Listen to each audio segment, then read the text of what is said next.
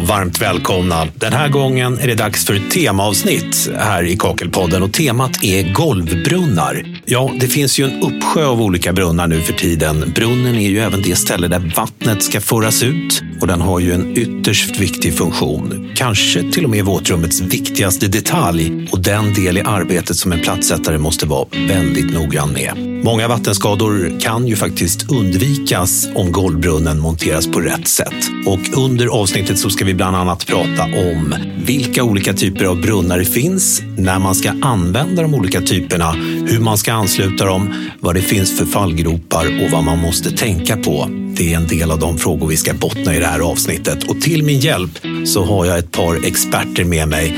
Jag tror att de flesta är födda på 60-talet, kanske någon på 70-talet. Ja, det är ett härligt gäng. Krille, Janne, Mange, Pirre och Raffe, om man får använda era smeknamn. Men vi ska vara lite mer korrekta än så. Eh, Jan Mandahl, Unidrain, Pierre Lundborg, Säker Vatten från Byggkeramikrådet, Christian Pettersson, Magnus Lundgren och Ralf Girard. Och jag som leder samtalet, jag heter Marcus Trautman. Jag tänkte ni kan väl kort berätta om vilka ni är och vilken roll ni har i respektive organisation. Jan, vi kan väl börja med dig. Ja, jag heter Jan Mandahl och jobbar som brand manager för Unidrain på eh, Jafo som är också tillverkare av traditionella brunnar. Jag heter Pierre Lundborg och jobbar på Säker Vatten som utbildningsansvarig. Jag håller också på mycket med våra produkter, alltså däribland också golvbrunnar. Magnus Lundgren, Byggkemikrådet, jobbar som tekniker där. Eh, Christian Pettersson, Byggkemikrådet, eh, jobbar mycket med utbildning. Ralf Girard, VD på Byggkemikrådet. Varmt välkomna ska ni vara hit allihopa. Eh, Ralf, jag tänkte jag börjar och fråga dig, varför tar vi upp ett ämne som brunnar i, i ett särskilt temaavsnitt? Egentligen så är det flera anledningar, men, men brunnar är alltid eh, ett ständigt aktuellt ämne.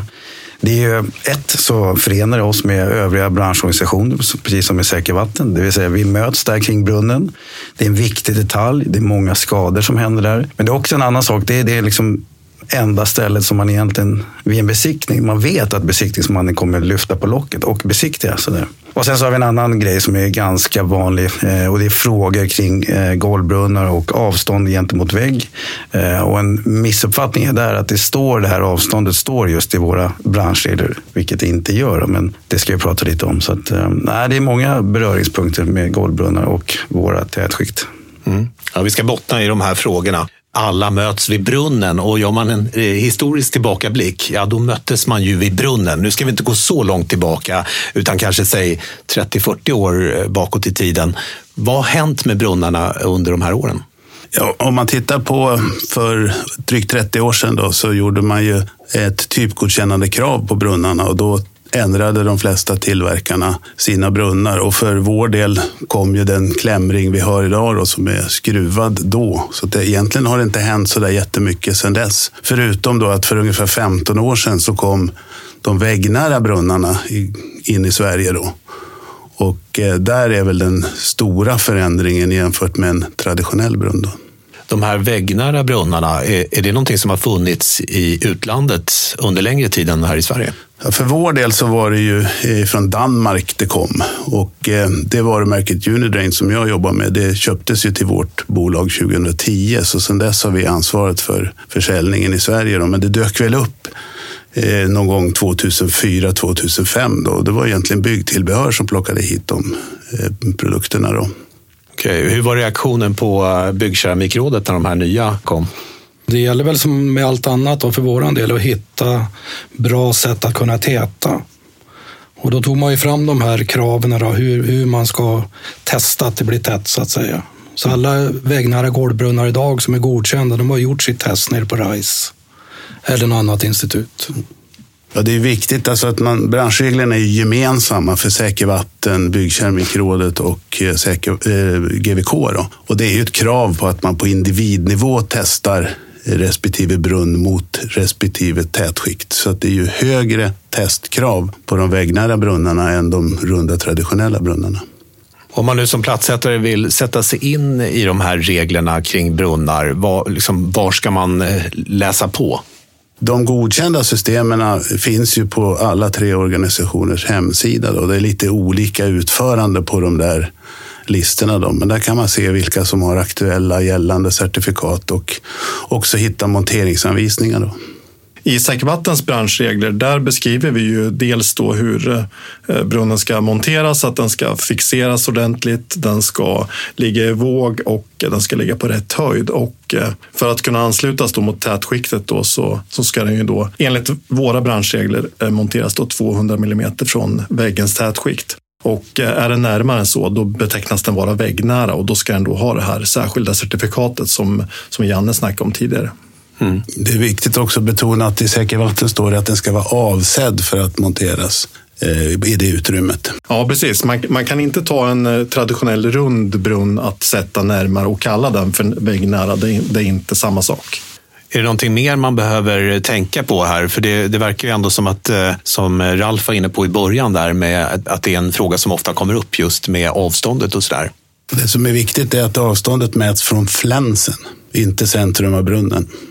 Är det någonting som ofta görs fel? Eller? Det kan ju vara lite frågor om man inte känner till det. Då, sen. Om man gör nu ett badrum så är ju golvbrunnen är ju extremt viktig. Hur planerar man för att få till det här på rätt sätt enligt konstens alla regler?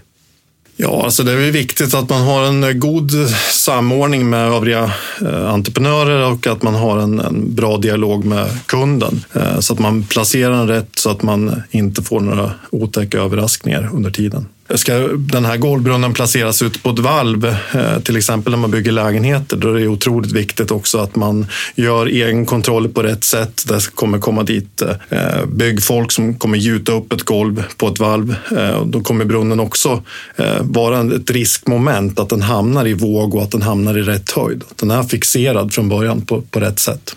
Och sen är det också viktigt att du eh, pratar med beställaren vilken typ av keramik du ska ha. Allt för att planera. Det är inte det att den, när vi skriver minsta måttet från flänsen till väggen är 20, men det är ju ingenting som hindrar att sätta den 40-40 från väggarna också. För att få till en snygg alltså, plattsättning sen. Om det är storformat eller kuvertskärning eller vilken storlek på plattorna. Det hänger ihop sen med fallreglerna för att få till brytet ifrån övre yta ner till plats för dusch och bad det är ju en planeringssak det här, för det är ju eh, det är inte snyggt att hitta en brunn som sitter där den sitter bara av en händelse. Och sen när man då ska sätta plattorna runt det här så blir det liksom ett, eh, ett pussel då, som inte är symmetri. Eller då. Så det, det är viktigt att tänka till på det, att brunnen ska sitta här, planera redan där, beroende på vilken keramik och vilken plattsättning.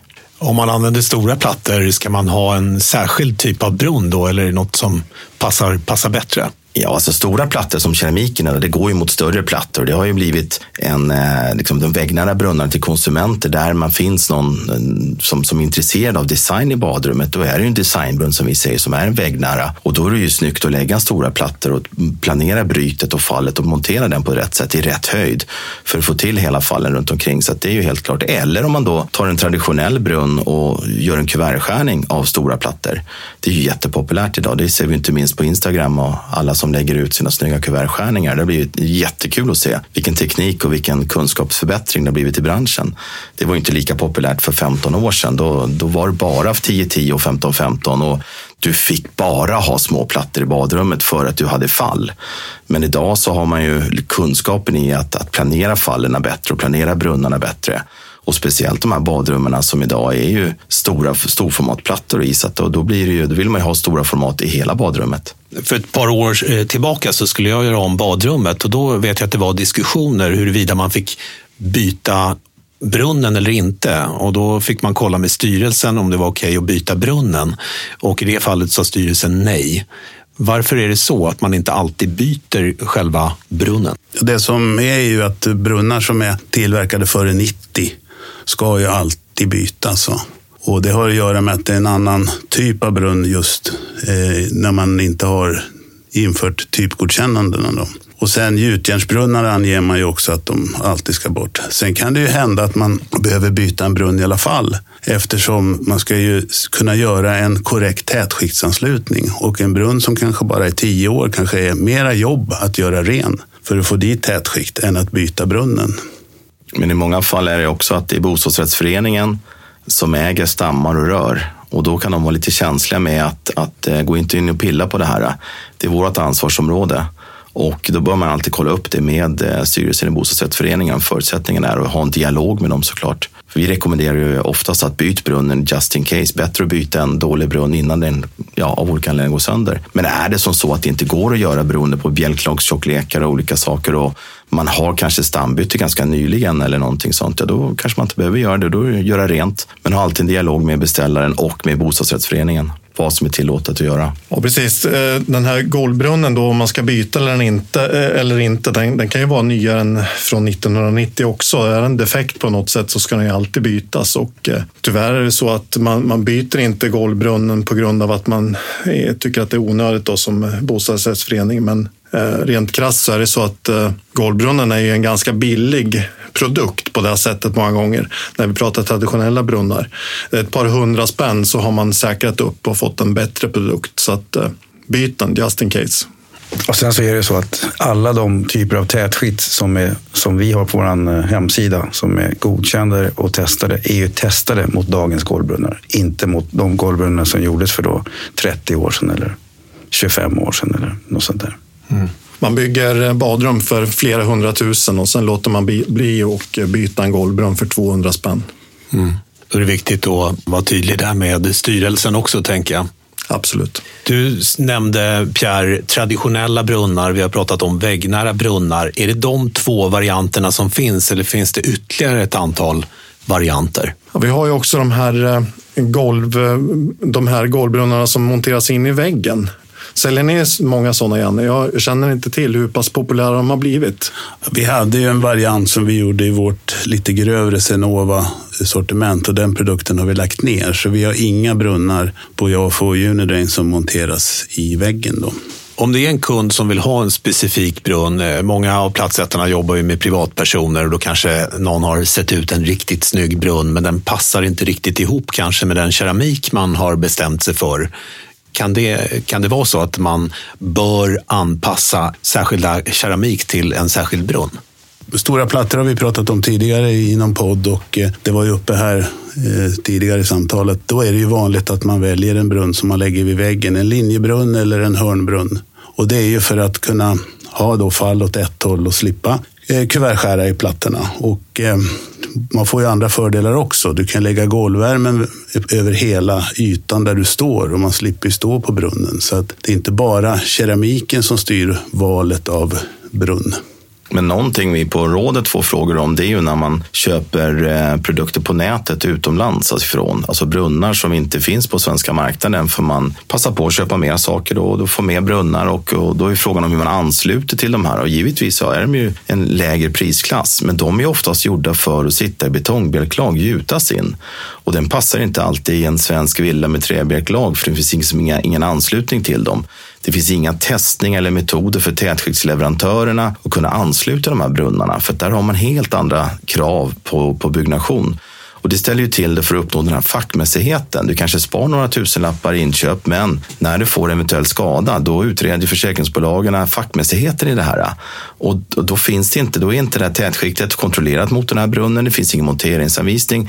Det är brister där och då, då, är, då är risken då att du står där och inte får ersättning ifrån en eventuellt då, eh, fuktskada. Den typen av brunnar finns det ju ofta eh, inte så höga flöden på, för det är också en viktig sak när det gäller golvbrunnen, att man har ett rätt flöde för det badrum man monterar den i. Ja, när man eh, anlitar en rörentreprenör så är det viktigt att se till då att den är auktoriserad via Säker Vatten. Och eh, den rörentreprenören är då skyldig att följa branschreglerna och i branschreglerna är det beskrivet att alla VVS-produkter ska vara typgodkända. Är det så att man väljer en golvbrunn då som är importerad från utlandet, då riskerar man ju naturligtvis att den inte följer de krav då som finns då i den här eh, SSE 1253 som styr då hur brunnarna ska utformas. Och det är också någonting som man kontrollerar med provningar när man gör det här typgodkännande certifikatet. Då. Janne snackade också om det här med flöden och eh, flödet på själva golvbrunnen. Det är också någonting som är uppbundet till det här certifikatet. Golvbrunnen är ju provad att klara ett visst flöde och eh, det innebär ju också att om man skulle byta sil på den här golvbrunnen så, så gäller det då att man ser till att den här silen också kan förmedla rätt flöde till golvbrunnen. Ja, det kan man ju uppleva ibland om man duschar och det kommer mycket vatten, att det känns som att inte vattnet riktigt eh, rinner undan. Är det någon fråga ni möter på ofta på Byggkeramikrådet? Ja, eh, då är det fel på fallet, säger beställaren. Fast lyfter man på designsilen eller vad det är för någonting, då försvinner vattnet. Så man har ett flöde på brunnen, det, det klarar det, men silen klarar inte när det ska vara design. Och där är ett jätteproblem idag. Att Framförallt tycker jag att beställaren eller konsumenten blir inte upplyst när de köper sin takdusch som släpper då 6 kubik i sekunden. Och så har man en liten design-sil. Det, det rimmar inte. Va? Det går inte. Det hinner inte med. Nej, precis. För det här certifikatet som, som omfattar den här golvbrunnen, den är ju provad och godkänd med, med en viss förutsättning och har man bytt ut silen då, då kan man ha ändrat den förutsättningen helt det finns ju andra saker som kan påverka flödet och vi får ibland samtal då eftersom när våra brunnar är inblandade och då kan man ju ge dem rådet att titta om det är något annat, någon förträngning eller dålig avluftning. Du får ett övertryck i systemet. Då. Så ofta brukar det där visa sig att när man tar ur vattenlåset så rinner det jättebra. Sätter du tillbaka vattenlåset så börjar det byggas upp vatten efter en stund. Och det är ett tydligt tecken på att man har ett övertryck i systemet och kanske inte tillräcklig avluftning. Då ett begynnande stopp och en eh, otillräcklig avluftning ger ofta samma fenomen. Så att eh, det, det kan vara absolut sådana typer av eh, fenomen som uppstår. Så det gäller att vara eh, påläst och eh, informera kunden ordentligt då innan. Om vi tänker oss att en plattsättare nu har fått ett uppdrag, man ska starta upp arbetet. Hur ska man liksom planera in brunnen? Vi har ju nämnt det lite grann på olika håll. Vad skulle du säga, Janne? Hur, hur går man tillväga? Ja, det hänger ju lite grann beroende på vad det är för typ av arbete. Men om vi tänker sig att vi har ett äldre badrum med ett badkar. Eh, där kan brunnen ligga avsedd för badkar. Då blir det aktuellt att flytta brunnen. Eh, det kan ju också vara när man bygger om sitt badrum att man vill ändra på så att säga, planlösningen. Då blir det också ofta fråga om att flytta brunnen. Sen får man ju anpassa brunn eller brunnarna efter de vattenkällor man har. Har man till exempel både badkar och dusch, då måste man förmodligen ha en separat brunn för badkaret och en för duschen. Då. Så att det blir ju planering från början och då får man också tänka på hur man ska lägga olika fall och, och sådana bitar. Golvbrunnen måste ju vara tillgänglig när man har badkaret så att den, den måste absolut placeras på ett sätt så att man kan ta ur vattenlåset och rensa och göra rent. Mm. En annan sak på det här som vi pratar om nu, det är då att oftast är det ju inte plattsättaren som bygger om badrummet. Han kommer dit sist. Det innebär att kunden och byggaren har planerat var brunnarna ska ligga. Sen får ju då jag som plattsättare försöka anpassa mig till det och där kan det ju bli lite krockar. Va? Kunden har en vision hur det ska se ut med kuvertsågning och alltihopa. Sen kommer jag dit, de förutsättningarna finns inte. Utan man får hitta en annan lösning. I och med att vi alltid kommer sist mm. så får vi ta skiten egentligen. Mm. Hur kan man undvika att ta skiten då? Nej, men det handlar ju då om att för byggarens del kanske involvera då platssättningsentreprenören i tid. Att man går igenom tillsammans med kunden, även om jag inte ska dit förrän om tre månader eller vad det är för någonting. Men oftast så kör ju byggaren med kunden, nu åker vi och sen får platssättaren komma dit och fixa. Mm. Så att det är sällan idag som platssättaren bygger badrummet så att säga. Mm, de är inte med från start? Så att... Nej, det finns ju några badrumsbyggare, absolut. Men, men många av platssättarna kommer ju bara dit och beklär så att säga. Då finns redan förutsättningarna där. Mm. Finns det någonting man behöver tänka på då, när man kommer in i det läget? När det redan är för sent att ha den här dialogen i början? Ja, då måste man ju då ta en dialog då så att säga och förklara varför det inte går eller vad, vad problemet är. Så att kunden är införstådd med det. För då har ju fortfarande kunden ett val. Okej, okay, jag gör om det från början. Eller okej, okay, jag köper den här lösningen. Istället för att man bara kör och så får, kommer kunden efteråt. Så här, så här ska det inte vara enligt mig och byggaren. Utan att man offrar en halvtimme, 45 minuter, går igenom med kunden hur kunden vill ha det. Kan vi lösa det eller kan vi inte lösa det? Jag tror man har mycket att vinna på att ha ett, en kommunikation och ett samarbete. Och det ser man ju inte minst på de här som du nämnde, badrumsbyggarna. Det är sällan de har de problem som kan uppstå när man är en samling av, av hantverkare som ska samsas. Då. Och jag tror att om man inte då är en ren badrumsbyggare så har man ju en hel del att tjäna på att ha ett fungerande nätverk och försöka jobba med människor som man har en bra kommunikation med. Det är nog tyvärr så att står kunden i slutändan och inte är nöjd med sin produkt så är det samordningen ofta som har brustit. Det kan jag stämma, instämma i mycket väl. Och det är ju som, som Krille var inne på här också, just det här med när man har förväntningarna på ett badrum och man kunde inte riktigt bli som man har tänkt. Och då, då ringer man ju efteråt och säger du, så här vart det. Är det okej? Okay? Då ringer man till oss på Byggkeramikrådet och, och säger då att plattorna tandar eller man har inte planerat brytet och i spacklingen då, för det när brunnen sitter där, det är där man utgår från höjden upp till tröskel. Det är ju vitala delen i badrummet som, som man ska lägga lite mera vikt vid och inte bara placera av en, av, av en händelse, utan den ska ju sitta där av en orsak. Så att här vill du ha brunnen, det är måtta att ta med det och fråga kunden gärna en gång extra. För därifrån så planerar du dina fall och därifrån planerar du liksom storlek på plattor och alltihopa för att få ner det här. Var duschväggarna ska placeras, stå hur långt ifrån toaletten, hur gör vi med spacklingen? För det är där ofta är det just det som, som, eh, som brister. Man har tänkt lite fel eller så, eller bara kör. Mm. Det gäller att eh, ha en, en tät dialog med sina samarbetspartner, andra hantverkare helt enkelt. Eh, just anslutningen av tätskikt till brunnen, det är ju ett viktigt moment. Vad ska man tänka på här? Ja, det är ju att följa leverantörernas anvisningar, alltså monteringsanvisningen för det. När det gäller våra brunnar så har ju vi i våra monteringsanvisningar för brunnen lite exempel, men det är ju bara generella exempel. Det som gäller för regelverket är ju att man följer tätskiktsleverantörens monteringsanvisning. Får ni mycket frågor om det eh, från, från era kunder? Det förekommer. Vi har ju en supportslinga. Då. Det förekommer ju från både rörmokare frågor och även ifrån plattsättare. Och, och, det är ju ganska enkelt för mig då att säga att du frågar vilket tätskiktssystem kör du med och så säger vi där har du det. Dels kan du hitta på vår hemsida, men du kan också hitta på naturligtvis fabrikantens hemsida, men också på branschorganisationernas hemsida, eh, monteringsanvisningarna. Och det som är viktigt är, har man gjort det här i några år så kan det ju vara bra att kolla upp monteringsanvisningen med jämna mellanrum, för de gör ändringar. De testar nya system och så med jämna mellanrum. Mm. Så man ska inte bara köra i den gamla filen så att säga? Nej, inte som jag alltid har gjort. Det kan vara bra att kolla ibland vad som har hänt. Jag vill bara tillägga också att eh, det Ralf var inne på, att just det här med monteringen av besiktningsmän, de lyfter ju alltid på, på silen i golvbrunnen och tittar, är det här tätskiktet rätt anslutet? För det kan de kontrollera och då gör de det. Och är det inte det så är det inte rätt eller fel. Det är, bara, det är svart eller vitt, det är rätt eller fel. Det är då, sticker det då fram då kladd på ringen, då diskuterar man om den här fjäderbelastade klämringen har den funktionen kvar. Kan bedöma att den inte har det, då ska det göras rent. Sticker det fram då tätskikt under klämringen i vissa fall, då eh, är det anmärkning på det att det inte gått att satt sig i sitt säte, du har inte fått ner den. Då är det anmärkning på det. Och då är det en vital del som är känslig att delreparera. Det går att göra, men det, då är man där och direkt så skapar en osäkerhet. Blir det här på rätt sätt? Kan det börja läcka? Ska vi åtgärda eller inte göra? Så använd alltid skärmallen som är med då till, till den typen av brunn du har. Jobba med en, en, en brunn om du kan påverka, som jag personligen gör reklam för nu här. Det är den skruvbara klämringen. För den upplever jag är eh, en, en, en, en bra produkt. Goda råd att använda en skruvbar klämring, det, det, det vill jag slå för. Att få till den här anslutningen runt, för den är så pass viktig och vital, att få till den där. Och då har väl jag upplevt att har man rätt moment på den här klämringen så är det lättare att lyckas med en skruvbar klämring. Anslutningen innebär ju också att vi då ska skapa förutsättningar med vår spackling till exempel.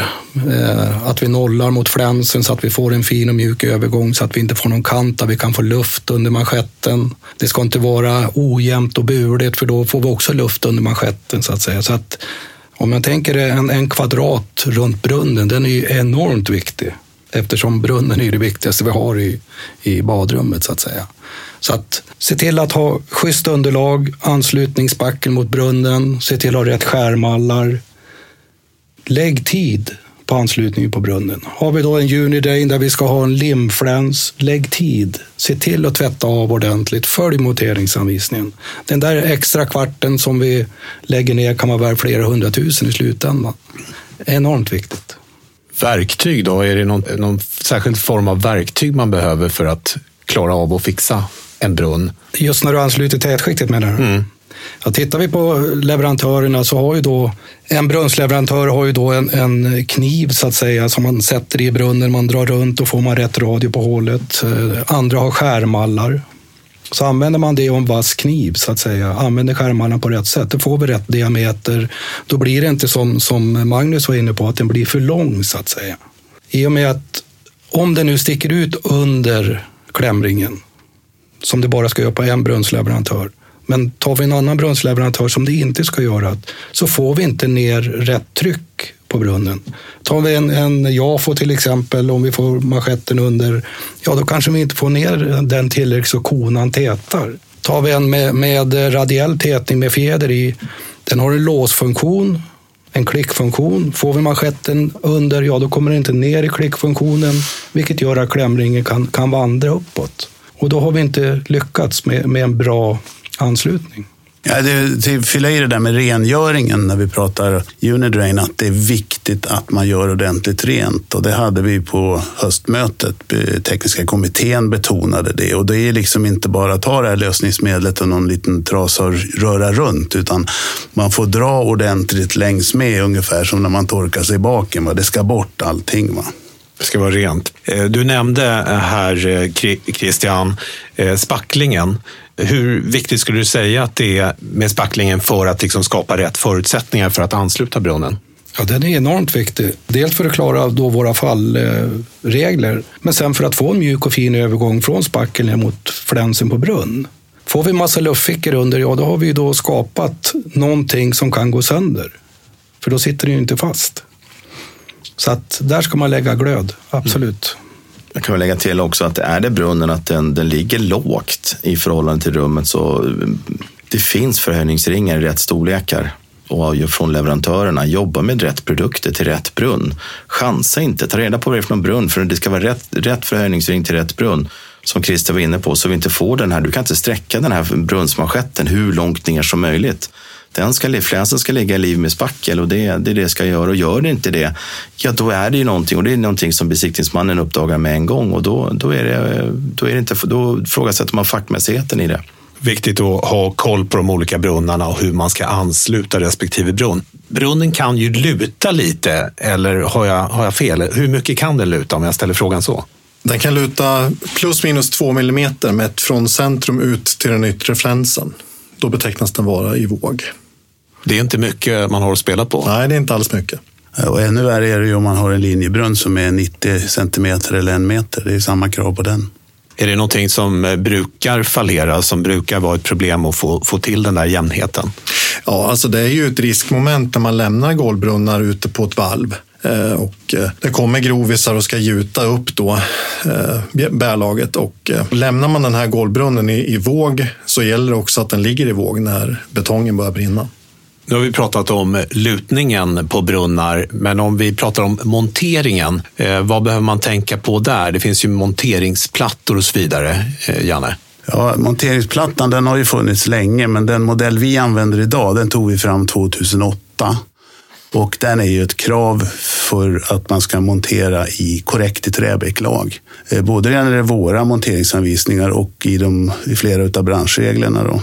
Eh, och när det gäller montering av Unidrain, där har vi inte den möjlighet som Magnus beskrev med förhöjningsringar. Det är viktigt att den sitter på korrekt höjd. Där är den ju anpassad för att ta upp höjdskillnader i ytskiktet med de olika ramar som finns. Om man då väljer den typen av synlig överdel. Och då ska ramen anpassas efter tjockleken på keramiken. Och ramen ska då ha ett mått som är 2 till 4 millimeter högre än tjockleken på keramiken. Och det är ju för att man ska anpassa för fix och tätskikt. Och är det exempelvis stora plattor idag, då dubbelkammar man ju ofta. Och eh, då kan det hända att man behöver det där högre måttet, 3-4 millimeter högre ram. Då.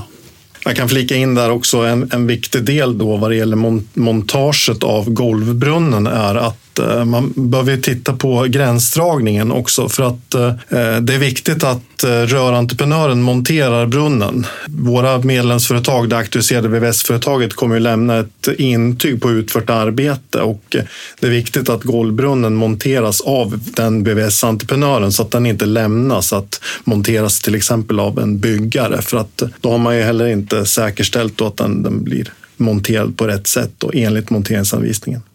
Det är ett vanligt fel. Tittar, går man tillbaka 10-15 år i tiden så, så var det vanligt att man lämnade över golvbrunnen till byggaren och eh, när man kom tillbaka då var, var det tätskiktat och klart och eh, då visste man inte som, som rörentreprenör hur det egentligen såg ut där under. Okay.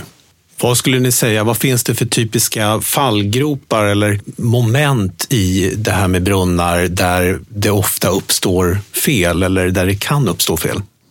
Det är att inte brunnen sitter i våg. Det förekommer ju. Vattenpass är ju bra att kolla med. Eh, att man har använt fel delar, det vill säga att det är inte så vanligt idag att man hoppar över monteringsplattan, men det kan ju hända att man blandar fabrikat. Det är ju inte tillåtet att göra. Att man sätter min förhöjningsring i en annan brunns säte. Då. Det, det är heller inte så här jättevanliga saker. Det förekommer, men om man tänker på alla de hundratusentals brunnar som sätts varje år så är ju de allra, allra flesta korrekt monterade. Det känns ju tryggt att höra. Eh, du nämnde ju vattenpasset. Det är ju ett sätt att liksom kontrollera golvbrunnen innan man går vidare till nästa steg. Finns det några andra typer av kontroller man kan göra under arbetets gång? Ja, att den sitter i rätt höjd. Eh, det är ju omöjligt för en rörmokare att sätta brunnen i rätt höjd om han får fel höjd. Och där ligger ju ansvaret på den som är totalentreprenör, då byggaren eller vem nu som har eh, så att säga badrumsjobbet. Då. Att ge rätt höjd till rörmokaren som ska montera brunnen. Ett annat riskmoment är ju att rörentreprenören monterar golvbrunnen. Det ska göras på rätt sätt naturligtvis. Sen kommer eh, den här BKR anslutna medlem då vid ett senare tillfälle och kanske sätter in en förhöjningsring. Och då, då gäller det att man har samordnat då, man snackar samma språk, att den här förhöjningsringen är avsedd för den här golvbrunnen. Också ett riskmoment. Mm. Om jag nu som platssättare, vi har berört det här lite grann, men om jag som platssättare kommer eh, och ska göra mitt jobb och så sitter golvbrunnen lite galet. Den kanske lutar lite mer än vad det är tillåtet. Vad gör jag då? Lutar den för mycket, då måste jag se, kan jag överhuvudtaget ansluta på den här? Klarar jag av att spackla ett schysst fall när den lutar? Kan jag ansluta brunnsmanschetten? Den enda som kan svara på det egentligen, det är ju då min teskedsleverantör. Men ofta så får man säga stopp. För jag kan inte få ett schysst fall eller någonting. Lutar han, han får luta totalt fyra, lutar han sex, sju, ja då blir det jättesvårt. Va? Och då blir det ju en vändning direkt. Nu kommer det där griniga platssättaren. Men vi måste våga säga stopp och tala om att jag kanske inte kan ansluta på det på grund av att brunnen lutar. Det där för ju med sig flera fel i eh, platssättningen sen också. För då får du en kant som är hög på brunnen och ska du ansluta med den, ja då vill du att vattnet ska rinna ner. Då får du bygga upp lika mycket på andra sidan. Och då blir det ju att du får använda kanske liksom över... Liksom, fästmassan har ju visst liksom, arbetsområde i tjocklek i fästmassa. Du kan inte bygga med fästmassa hur mycket som helst för att kunna ansluta. Och då får du bygga upp den. Ja, då är du ju långt över flänsen om du ska spackla upp på ena sidan eller då flexa ner. Men då får du en lågpunkt på fel sida om brunnen. Så att en felmonterad brunn skapar flera problem. Det, vi pratar kanske grader i helvetet. Är det någon millimeter fel så går det kanske att lösa. Men är det väsentligt fel eller fel avstånd, ja men då får man ju säga sorry Bob, gör om, gör rätt. Det, det så här ska det inte vara. Då får man ju ta det. Då får man, men man ska också tänka på att det här badrummet ska ju vara en funktion i 30 år. Och det här är ju ingenting som löses av, av sig själv i tiden. Att det skulle liksom lösas, utan det här är fel från början. Då är det ju fel i 30 år. Och det kan ju på sikt skapa andra saker. Mm, man kan eller summera en annan sak, eller om man funderar lite på det här med brunnen och, och så, så är det så att fortfarande så är i vår bransch så är det största, största, största felet att vattnet inte rinner till golvbrunnen. Och om den här golvbrunnen nu sitter kanske lite högt och lutar lite grann så kan det ju medföra att du är tvungen att spackla liksom höjder som är ett par centimeter ovanför tröskeln, vilket kunderna inte vill ha det bygger på en massa saker och då blir det inte riktigt, riktigt så. Man vill göra kunden nöjd så man tummar lite på det här med spackelhöjden. Och då får vi inte det här riktiga fallet. Och, och egentligen vad det handlar om att roten till det är att, att brunnen inte riktigt sitter rätt från början. De här förutsättningarna är ju liksom inte helt hundra. Man kan, man kan ju säga där att den som har störst problem att utföra sitt arbete om brunnen sitter snett, det är platsettan. En bottentömmande brunn som sitter i lite lutning, det har ju inte någon stor påverkan på flödet. Men som sagt, det blir jättebökigt för plattsättaren att, att göra ett korrekt fall. Det kan också bli konsekvenser när man eh, sen kommer besikta det här badrummet och eh, golvbrunnen hamnar lite högt, man spacklar lite mer och eh, vips så har badrummet inte blivit tillgängligt för folk i rullstol. Men om det är någonting som inte går enligt branschreglerna så kan man göra en så kallad avvikelse. Vi har ju lyft den frågan i Kakelpodden tidigare, men eh, Christian, kan inte du förklara lite, vad, vad är en avvikelse? En avvikelse är egentligen ett avtal mellan två parter där man kommer överens om hur löser vi det här eftersom vi inte kan lösa det enligt branschreglerna. Men ska vi, det ska fortfarande göras fackmässigt och för våran del så handlar det då oftast att vi måste ha samråd med vår tätskiktsleverantör. Har vi någon annan lösning på det här än det som står i branschreglerna? En avvikelse innebär ju inte per definition att jag är helt grön, utan har jag skrivit en avvikelse så ska ju avvikelsen utföras fackmässigt. Mm. Och det innebär ju då att jag måste få hjälp av någon som talar om hur jag ska göra. Och då faller det oftast tillbaks på tätskiktsleverantören. Sitter nu brunnen 11 centimeter ifrån vägg, kan jag ansluta på det ja eller nej? Ja, det är förmodligen. De flesta testar ju när brunnarna ligger otroligt nära vägg. Mm. Säger han ja då, då ja, då kan jag ansluta. Men det är fortfarande ett fel, men det är inte jag som äger problemet. Det är inte jag som har monterat brunn. Det är ett vanligt förekommande missförstånd det här med avvikelser. Att, eh, speciellt då om vi tittar på det här med bostadsrättsföreningar. Att man kan ju åka på en avvikelse eh, och man kan ju få bygga om ganska mycket för att bygga bort avvikelsen så att säga. Och eh, många gånger så är det så att eh, en avvikelse kan ju faktiskt undanröja många andra avvikelser. Och det är precis som Christian säger att den ska vara utförd fackmässigt och där måste man göra en bedömning och det är ju den som ska så att säga teckna försäkringen som ska göra den bedömningen. Idag har ju då en avvikelse en väldigt negativ klang men tittar vi på rotsidan så, så många gånger kan ju en avvikelse vara en bättre lösning än vad som står i regelverket i det specifika fallet. Framförallt för våran del när vi pratar tillskjutande markfukt och så vidare. Då, då är inte våra branschregler bra, utan då kanske vi måste göra en avvikelse för att få en bättre teknisk lösning. Men det har en väldigt negativ klang där ute. En, en avvikelse är ju egentligen så som vi från Byggkemikrådet ser på det. Det är som Christian är inne på, det är en negativ klang. Men ska vi åka till Göteborg så säger vi att kör via eh, Jönköping och då, men av olika anledningar så kan vi inte ta den vägen, men vi ska till Göteborg och då åker vi via Örebro istället.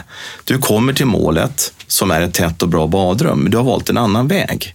Det är ett ganska enkelt sätt att se också på en avvikelse. Det behöver inte vara, men man talar om det. Det finns orsaker som har ekonomiska orsaker, tekniska orsaker som vi gör att vi kan inte göra den här eh, enligt liksom våra BKRs branschregler. Då får vi göra liksom ett, på ett annat sätt. Men målet ska ju vara en fackmässighet och att det är försäkringsbart. Det är inte som så att en avvikelse är att ja, men då lämnar jag tätskiktet en halv meter ifrån eller jag skippar det här totalt för det får någon annan. Det handlar ju inte om att bygga in eh, riskkonstruktioner, för det får vi ju inte göra.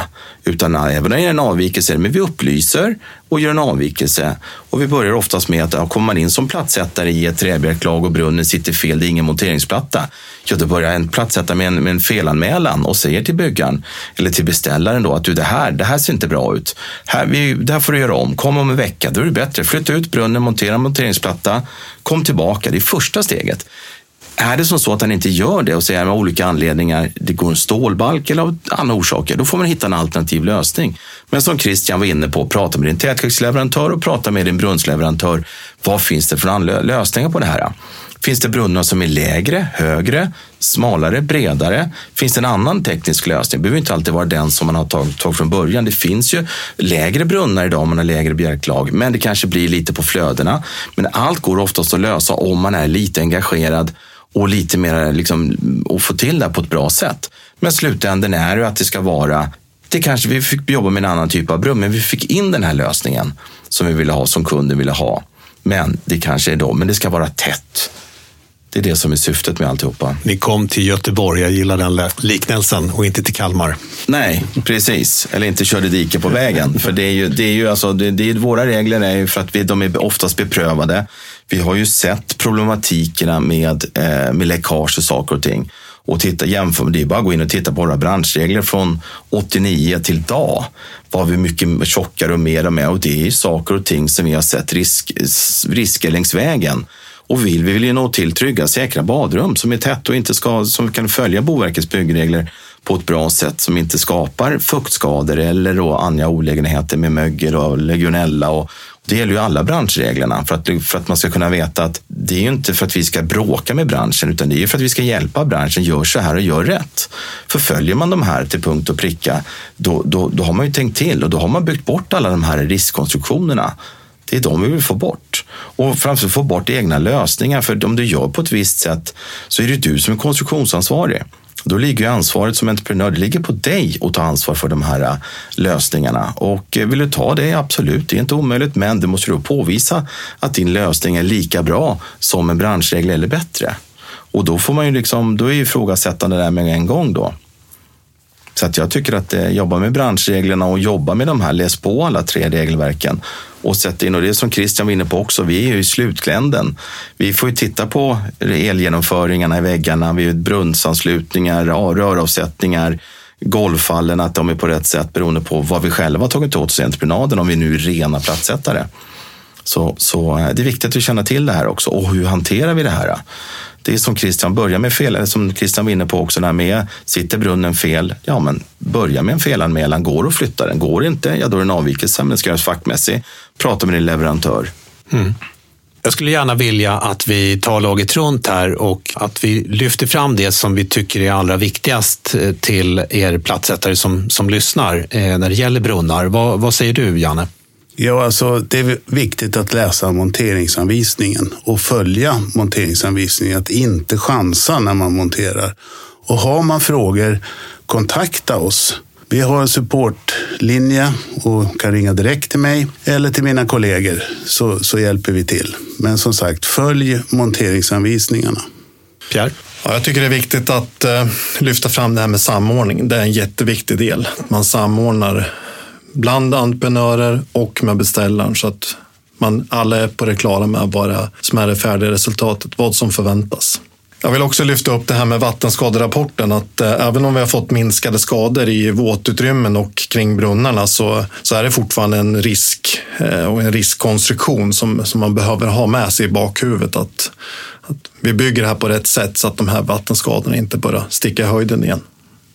Ni där ute som ska ansluta brunnar, låt det ta tid. Skapa rätt förutsättningar innan ni ansluter. Ha gärna kontakt med en leverantör, gå en steg trea. Där visar de hur ni ska jobba med just e- det systemet mot de olika brunnarna. Men låt det ta tid. Steg trea, eh, det är ju en utbildning. Hur eh, hittar man den utbildningen om man känner shit, den där, jag har bara gått steg två? Det finns en steg tre, en egen utbildning som man får av sin teskedsleverantör där de går igenom hur man jobbar med just deras system. Men jobbar jag med ett visst system, man kanske för att uppdatera sig, man kanske går varannat år, man kanske går var tredje år, så man får se vad som har hänt, men så man har lite mer råg i ryggen när man kommer ut på fältet sen. Låter bra. Ralf? Det först vill jag säga att jag tycker att det är ett fantastiskt avsnitt. Det här berör ju verkligen all, allt och alla. Och, och, det är samling vid brunnen istället för samling vid pumpen. här. Så att, eh, nej, men det är viktigt att vara noggrann just det här momentet vid brunnen. Se till att använda och ta till er de här tipsen nu, ni plattisar som lyssnar.